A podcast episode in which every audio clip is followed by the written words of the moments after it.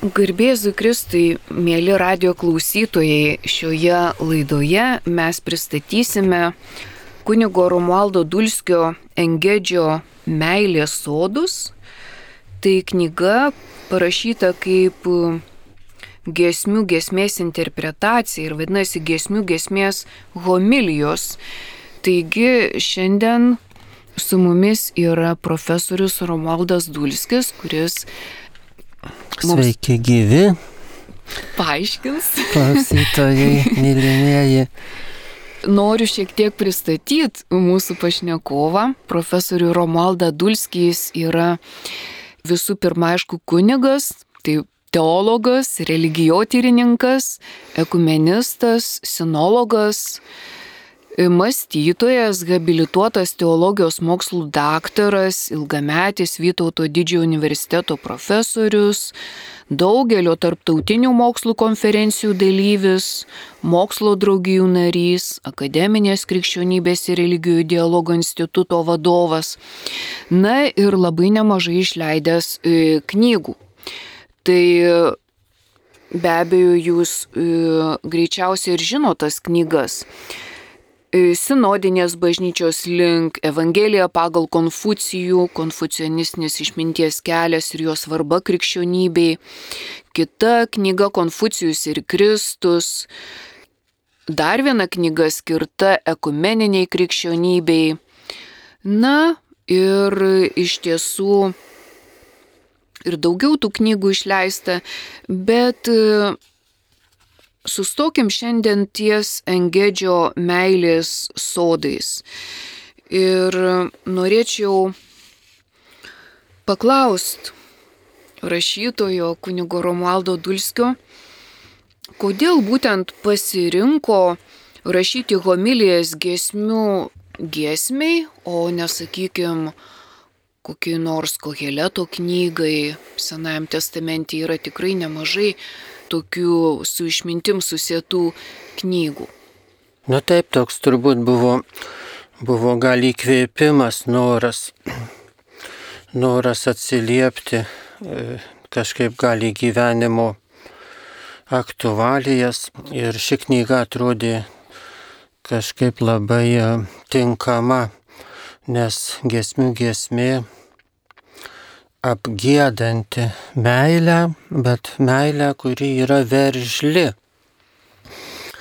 Ir jaunasis, ir jaunoji giesmių giesmės, jie veržiasi, vienas kito ieško aistringai. Ir aišku, už to žmogiško vaizdinio mes matom tą dvasinę prasme Ir kalba turbūt eina apie dvasinį veržlumą. Kartais galbūt atrodo gyvenime tiek daug mes susidurėm su, su tokiu abejingumu, kurio kaip kalnai, kokie tas abejingumas.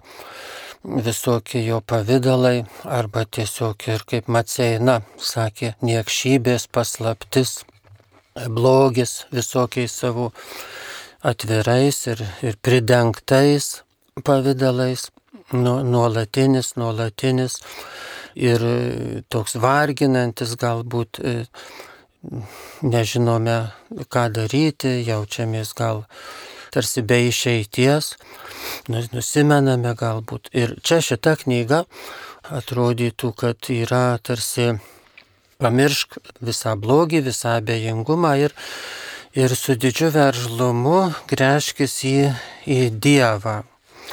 Ieškok Dievo meilės galingai. Ne, ir pati ta Dievo meilė yra galinga. Jėga Dievas galinga meilė myli žmogų. E, veržlę meilę galėtume sakyti. Kai sakome, kad Dievas ieško žmogaus, nu tai reiškia, jis va ieško, jis ne, ne taip savo buvoja. Ir, ir e, tas ieškojimas galbūt labai irgi iš Dievo pusės yra, galėtume rasti visokių pavyzdžių Biblijoje, kaip, kad jis yra labai veržlus ir, ir, ir, ir toks nesiliaujantis. Bet čia žinoma apie mus labiausiai, nes kalbame ne apie Dievo problematiką, apie žmogaus. Tai giesmių giesmė toks kaip atsakas galbūt kiekvienai mūsų gyvenimiškai, mūsų 21 amžiaus gyvenimiškai situacijai, kad verštis į Dievą, verštis į gėrį, į šviesą, į išmintį. Ir tai yra kaip atsakymas Ar yra to blogio, ar nėra blogio, gal visi gerą daro aplinkui mus, tai tuo labiau tada. Bet atsakymas galbūt į visas mūsų gyvenimo situacijas ir visas, visas problemas iškylančias. Ir kuris duoda rezultatą, tas atsakymas - verštis į begalinį Dievo e, gerumą, jo išmintį, jo šviesą ir tada daug dalykų kuriasi aplink mus. Šioje vietoje mes kaip tik galim ir pasiklausyti vienos ištraukėlės iš šios knygos Tamseveidžių grožis, nes kaip tik kalbama apie žmogaus grožį. Ir e, dar prieš tai, ką noriu pastebėti, kad e, žinoma, ši giesmių giesmė traukia kiekvieną autorių, teologą, ar ne, kuris, manau, kad kiekvienas teologas norėtų įsigilinti į šią temą, kurią siūlo gesmių gesmė, tai meilės tema, kaip jūs ir sakėt. Ir kai mes kalbam apie meilę, tai, tai meilė yra ir gėris, ir grožis, ir tiesa, meilė yra pati gyvybė. Taigi, nors gesmių gesmės pradžioje e, sužadėtinė save vadina tamse veidę, bet ji yra verta viso gėrio, viso grožio ir, ir visos tiesos. Taigi paklausykim tą ištrauką. Tamseveidžių grožis. Kaip atpažinti tikrąjį žmogaus grožį? Paprastai mums siekis krenta jo, jos išvaizda ir būdo bruožai, talentai ir trūkumai, pareigos ir socialinė padėtis. Pastebime tiek kitų, tiek savo įvairio paribotumą nei esame tobulai sudėti, nei mūsų gabumai ar talentai yra beribiai. Esame pavaldus laikui, kuris nusineša jaunystės grožį ir gyvybingumą, todėl galime nuoširdžiai pripažinti, kad esame juodbruviai. Vis dėlto, nepaisant visokiausių netobulumo, turime teisę tvirtinti esą gražus. Tiesa apie žmogaus grožį yra tokia didi, kad jai dera būti skelbiamai viešai.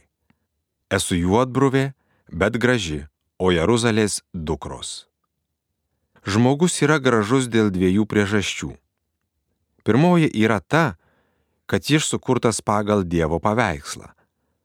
Apdovanotas protu, valia, laisvė, kūrybiniais gebėjimais.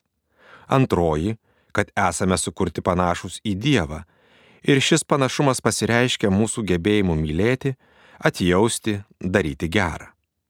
Labai klaidinga išvelgti savyje tik trūkumus ir nuodėmingumą.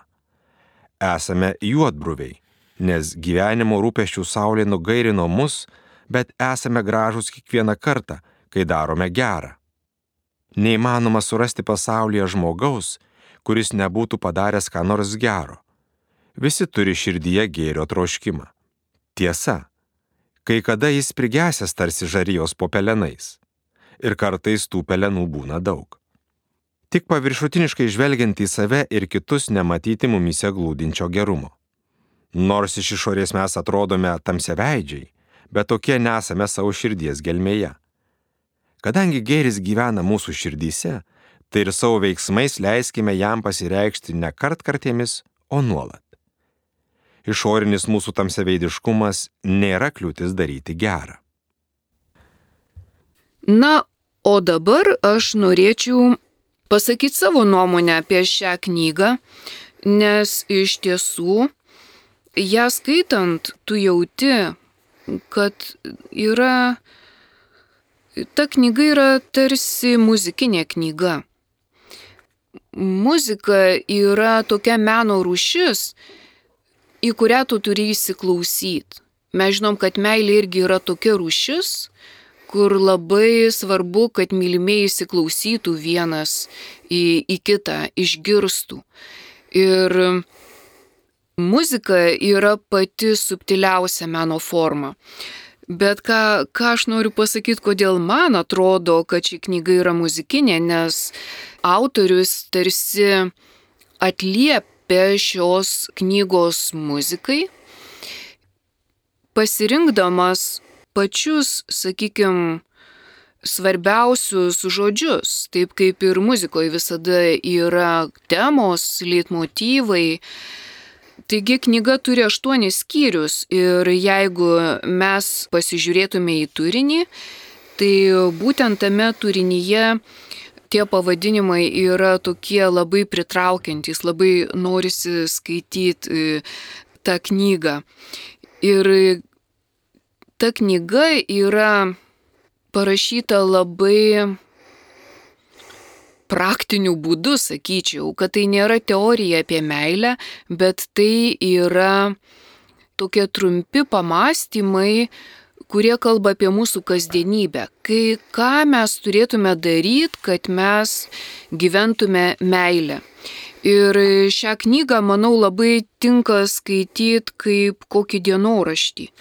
Nes ne, nebūtina ją paskaityti nuo pradžios iki pabaigos. Gali pasirinkti tą homiliją e, net pagal turinį, kuri tau atrodo e, tave pritraukia, ta, tau yra įdomi.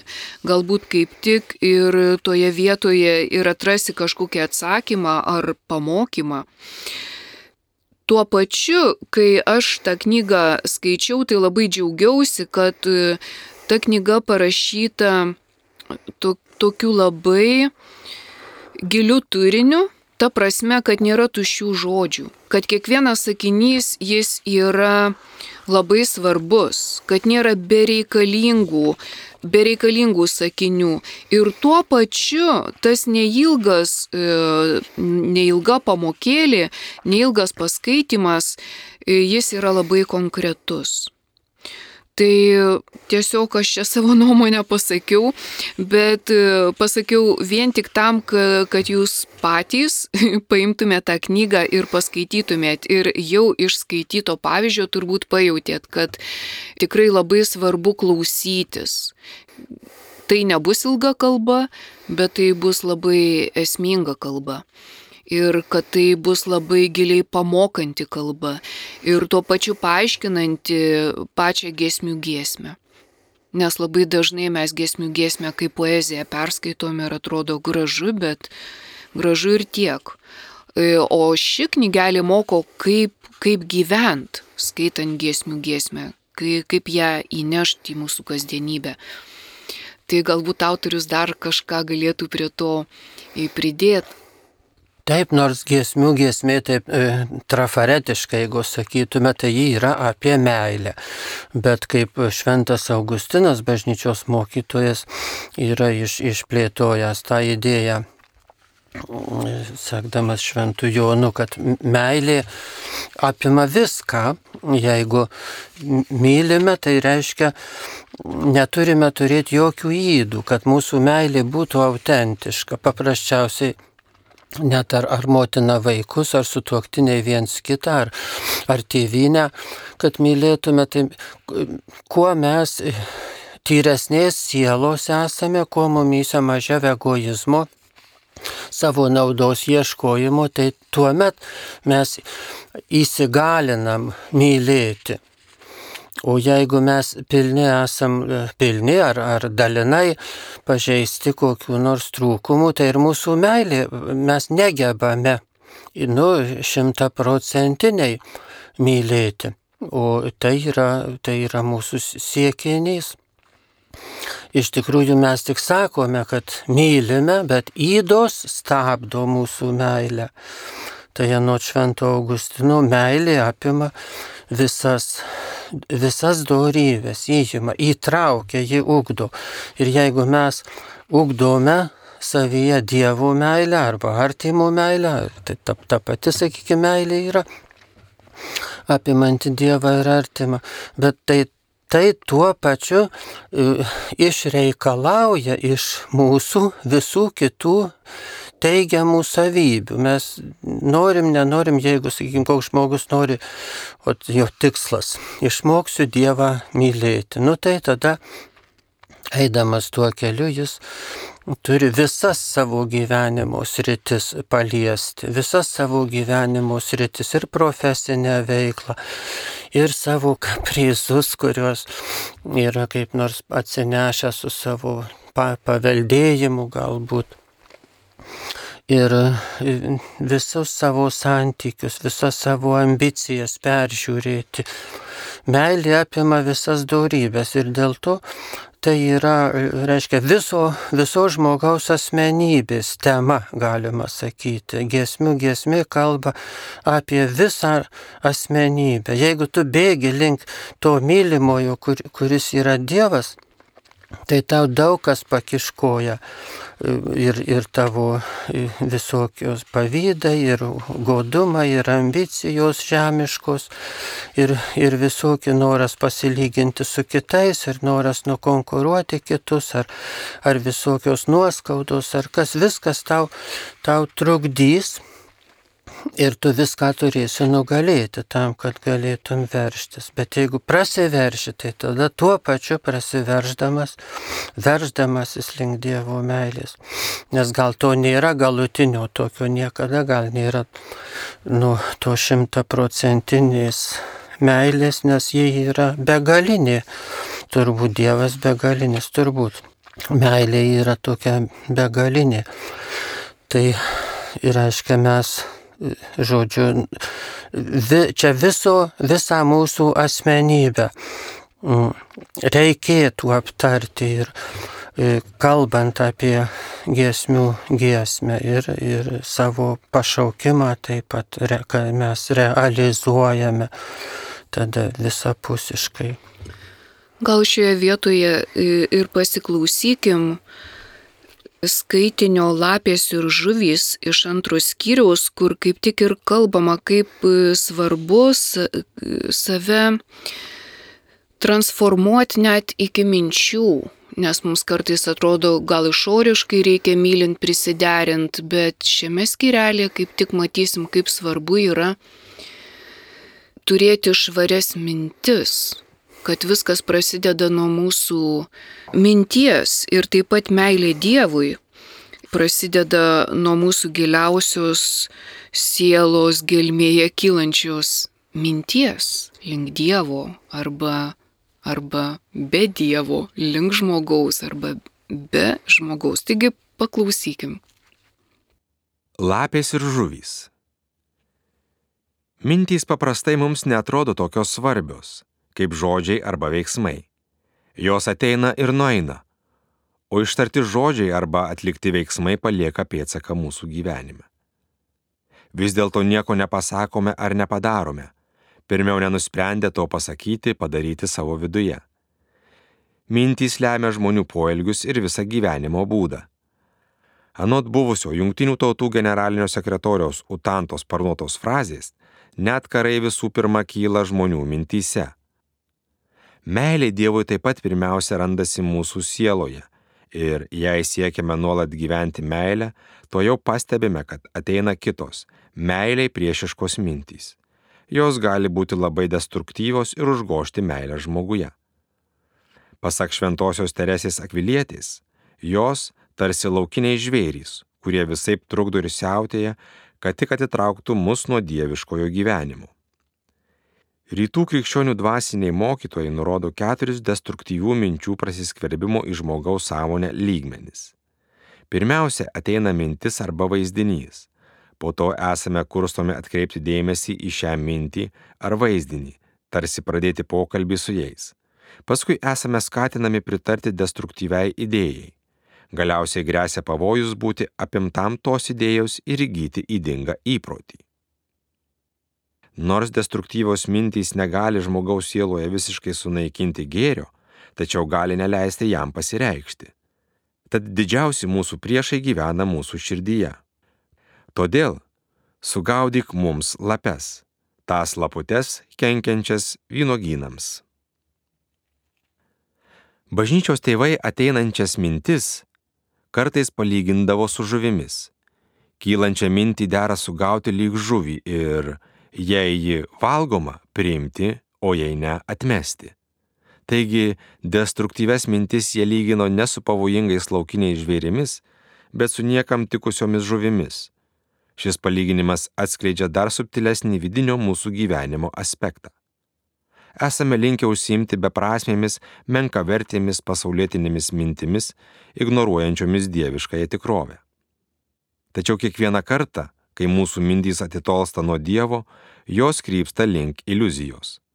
Todėl bažnyčios mokytojas Šventasis kryžiaus Jonas, dėl savo brandaus mistinio mokymo pramintas doktor mystikus, niekiek neperdėjo pabrėždamas, kad būtų nuostolinga sąmoningai palaikyti savyje bent vieną mintį nenukreiptą į dieviškąjį gėrį. Na, grįžtant prie pačios knygos, kaip ir sakėme pradžioje, kad tai yra refleksijų homilijų knyga. Ir tiesiog man knieti paklausti apie patį rašymo metodą, kaip jums sekėsi taip eilutė po eilutės parašyti tokias taiklės ir gilias refleksijas, kurias tikrai gali pritaikyti kiekvienas žmogus. Ar jūs taip nuosekliai eilutė po eilutės įrašė taip techniškai tas interpretacijas, ar jūs gaudavo tam tikrus įkvėpimo momentus? Ir vat tada sėsdavot ir tas mintis užrašydavot? Gal tuo metu kažkaip, gal taip mačiau aplinkui save daug visokio blogio, trūkumų, tokių gudrybių, kurios atrodė kaip tarsi ta blogio lavina, blogio paslaptis kažkokia. Tai ir, ir toks atrodė, koks atsakymas yra į tą blogį. Ir tada toks atėjo, kad, kad atsakymas į tokį gausų blogį yra gausus gėris, dar didesnis gėris arba toks atsigręžimas visa, visa esybė. Ir kartu gal toks, kaip toj psalmiai pasakyta, bedugnė šaukia bedugniai 42 psalmėje. Tai žmogaus širdis kaip ta bedugnė, kuri iš tikrųjų Manyčiau, kad kiekvieno žmogaus ir, ir geroje, kaip sakome, gero ir blogo, kaip čia mes stengiamės nematuoti tų žmonių, kurie geri, kurie blogi, bet nebent kur gerais norime laikyti visus, bet, bet e, visų žmonių širdyse yra ta bedugnė turbūt, kuri šaukėsi Dievo bedugnės, Dievo begalinio šventumo turbūt tą nori psalmė pasakyti ir ji taip susišaukia su visa giesmių giesme ta psalmės eilutė. Bedugnė šaukia bedugniai lotiniškai, abysus abysum invokat. Žmogus turi kokį tai begalinę frustraciją, galbūt begalinį trūkumą savyje ir jį atsineša į šį pasaulį ir niekas jo negali užpildyti to trūkumo, įskyrus tą dieviškumo pilnatvį ir visokiojopai visokiojopai tas trūkumas reiškiasi ir, ir, kaip sakoma, žmogus galvoja, tai gal kai būsiu turtingas, tada gerai jausiuosi, tai gal kai šeimą turėsiu gražią, gerai jausiuosi, tai gal kai pasieksiu karjeros aukštumų, gerai jausiuosi. Bet net visą tą pasiekęs, jis vis tiek nesijaučia gerai, jis vis tiek jaučia tą, jeigu ne, neranda to Dievo arba Dievo tam tikros net Dievo pilnatvės, vis tiek nesijaučia gerai ir tą daugybė, nu, daugybė turbūt istorijų gyvenimo paliūdėja. Tai giesmių giesmė tada kaip tik gal nurodo į tokį būdą, kaip, kaip atsiliepti į šitą bedugnės, žmogiškosios bedugnės užpildymo galimybę.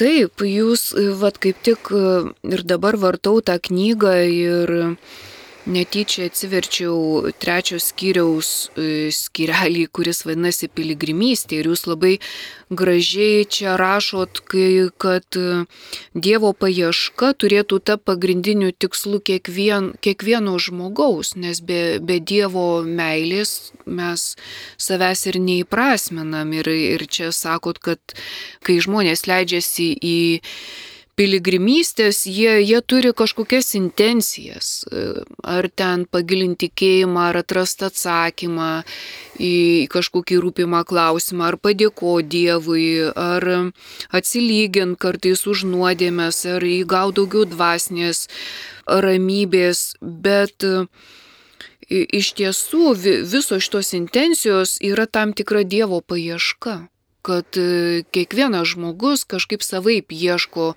Dievo ir kad svarbu ieško Dievo gyvenant e, savo paprastą kasdienį gyvenimą, nes kartais mes galim apsigaut, galvodami, kad galbūt gana, nu, vat, kažkaip gražiai sugyvent su kitais žmonėmis, bet ir taip sunku, ir taip nesiseka, bet čia kaip tik ir paaiškinama, kad jeigu neieškosi Dievo ir, ir jo nemylėsi, ne, neišmoksi mylėti žmonių.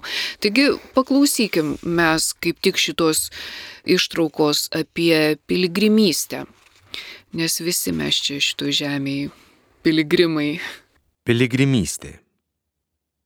Turiu tad keltis ir išvaikščioti miestą, gatves ir aikštės, turiu ieškoti to, kurį myli mano širdis. Ieškojau, bet jo neradau. Daugelis iš mūsų bent kartą gyvenime esame tapę piligrimais. Tikėjimo paskatinti patys ryžomės keliauti į kokią nors šventą vietą arba buvome kitų pakviesti prisidėti prie rengiamos kelionės. Grįžome kupini teigiamų įspūdžių, pakilėti, o gal neradę to, ko tikėjomės. Kai kurie tikintieji ypač praktikuoja piligriminį maldingumą, kiti, priešingai, labai retai vyksta į šventvietės. Piligrimystėn leidžiamės vedami įvairių intencijų - noro atnaujinti savo tikėjimą ar padėkoti dangui už patirtas malonės, atsilyginti už nuodėmės ar laimėti atlaidus, išmelsti ko nors savo ar kitiems žmonėms, pasisemti dvasinės ramybės ar tiesiog atlikti pareigą. Apibendrindami galėtume sakyti, kad piligrimystė tai dieviškumo paieška. Kai kada piligrimystė tampa ko nesavitikslė panaši į tam tikrą religinio gyvenimo būdą. Tačiau iš esmės piligrimystė nurodo į žemiškosios mūsų egzistencijos piligrimiškumą. Net niekur nekeliaudami, tiesioginė šio žodžio prasme, mes keliaujame nuo savo gimimo link mirties. Vis dėlto dar svarbesnė ir esminė mūsų kelionė yra nuo Dievo pažinimo pradžios link vis didesnio dvasinio samonėjimo. Gal galėtume įtvirtinti, kad Dievo paieška yra pagrindinis mūsų tikslas žemėje. Kad ir kaip ten būtų, jis sutampa su kitais didžiaisiais žmogaus gyvenimo tikslais ar bent glaudžiai su jais siejasi. Kadangi Dievas yra asmuo, jis negali būti randamas taip, kad jau nebereikėtų ieškoti. Kai manome, jog jau radome jį, Dievas vėl ir vėl atsiskleidžia mums naujais nepriepiamais savo būties aspektais. Vis dėlto, kai ištvermingai ir atkakliai ieškome jo visą širdimi, jis leidžia mums patirti gaivinantį jo artumą. Radau tą, kurį myli mano širdis. Drauge ši Dievo artumo patirtis teikia vidinės stiprybės, kurią dvasiniai mokytojai dažnai vadina galbūt kiek keistokai šiandieniam žmogui skambančių paguodos žodžiu. Taigi, kai, kai mes vat klausom šitų dabar pavyzdžių, ar ne, iš, iš šios knygos, mes matom, kad, kad tikrai ši knyga turi labai gilę praktinę vertę. Nes jeigu mes tik giesmių giesmę perskaitom, ar ne, ir, ir galbūt net ir suprantam, skaitydami tą giesmę, kad tai yra ta mistinė poezija kad čia kalbama apie Dievo ir sielos vienybę, kad tai yra ieškančios Dievo sielos istorija. Ir taip pat, kai, kaip kai kas pabrėžia, kad galima gesmių giesmę, pavyzdžiui, įsivaizduot kaip Kristaus ir bažnyčios istoriją, ar ne? Kristus yra sužadėtinis, bažnyčia sužadėtinė. Gražu, ar ne? Ar vienaip ar kitaip mes įsivaizduojam, gražu. Bet kaip tą grožį padaryti kasdienybę? Ir, ir tada, vad skaitant šitą knygį, knygą, tu matai, kad tai neišrinktiesiems jinai e, skirta, bet kiekvienam tikinčiam ir besilginčiam Dievo ir besilginčiam meilės. Tai labai norėčiau paklausti gerbiamo mūsų autoriaus, Ir gyvenime dažnai taip yra, ir rašant knygas apie meilę, ir, ir skaitant šitą knygą, sakykime, mes daug kur aptinkam, nu, vat tą posakį, kad labai svarbu ta sielos ir Dievo vienybė, Ir mystikai, kai pradeda kalbėti apie būtent tą Dievo ir sielos vienybę, dinksta žodis meilė. Kai, kaip, čia, kaip čia yra, atrodo lyg ir norėtum kalbėti apie meilę, bet imi kalbėti apie vienybę ir žodis meilė dinksta. Pačioje gesmių gesmėje nėra daug žodžių meilė, bet tai yra pasakojimas apie pačią tyriausią, gražiausią meilę. Taip, galbūt ne viską galim sudėti į, į rėmelius, taip sudėlioti, kad žmogaus gyvenimas toks gal yra tam tikra prasme ir neaptariamas. Ir tas dvasinis kelias, jis, jis irgi mm, turbūt sprūsta mums iš, iš mūsų aptarimų kai norime pernelyg suvesti į vieną sistemą ar į kitą, ta sistema atrodo nebepakankama išreikšti to, kas, kokia yra ta Dievo ir žmogaus santykio tikrovė. Tai galbūt taip ir, ir čia yra meilė, kai kalbama apie meilę, žinoma, galvojame apie kitą, tada meilė suponuoja, kad mes e, kitą žmogų mylime, kai kalbame apie vienybę. Vienybė galbūt yra meilės tokia pilnatvė. Šią prasme ir, ir žmogiška, ir teologinė tokia prasme. Tai kaip sakom, jeigu sutuoktiniai taps vienu kūnu, tai jau reiškia jie, jų meilė taps tobula vyro ir žmonos meilė. Tai jie, jie vien, vienybėje tokioje visiškoje, nu, idealioji žmogiškoji meilė, o Dievo ir žmogaus meilė irgi turbūt panašiai, kai mes, kiek, kiek mes pasiekėme vienybės su Dievu, tampame vien, kiek susivienijame. Tai bet dar galbūt ir asmens brandą čia galime matyti, ne, nepražiūrėti, kad eidami link, link Dievo artindamiesi realizuojame save ir, ir kuriame savo asmenybės brandą. Ir, ir tik brandi asmenybė, kuo brandesnė asmenybė, tuo, tuo ji labiau geba, geba mylėti tinkama, tokia teisinga. Teisinga, bet ir meilė ne tik teisinga, bet ir ugdančia meilė, kitus ugdančia. Nes jeigu žmonės e, kaip nors turi didelių kokių nors trūkumų, tai jų, jų ta meilė egoistinė ir jie turi tokį sužeidimų. E, nu, gal ne visuomet, bet dažnai kitus jinai žaidžia, sužeidžia kaip nors arba sutrukdo jų raidą net tų my, savo mylimų žmonių, o tai tokia, su tokiais nuostoliais ir, ir aišku tada, ar tai iš viso yra meilė. Ta riba galbūt yra, kur, kur, kur meilė jau nebėra meilė, bet, bet savinauda, prisirišimas ar koks kompleksas. Tai va, ir tokiu, tokiu būdu mes eidami link Dievo iš viso to išaugame į asmenybę, nu, į brandžią asmenybę gebančią ugdančiai mylėti kitus. Na ir šios laidos pabaigai norėčiau jūsų paties paklausti, o kuo jums pačiam brangi ši knyga? Nu, man pačiam turbūt ji, ji brangi, kad tik kažkaip, sakytume, gal pranoksta pačią Bibliją tam tikrą prasme. Būdama Biblijos dalis, bet kalba apie tokį žmogaus ir Dievo santyki e, aukščiausių lygmenių. Ir e, tada ir, ir mumyse tą bando pažadinti, tą esmingiausią ją žmogaus tapatybę. Tai galbūt šituo.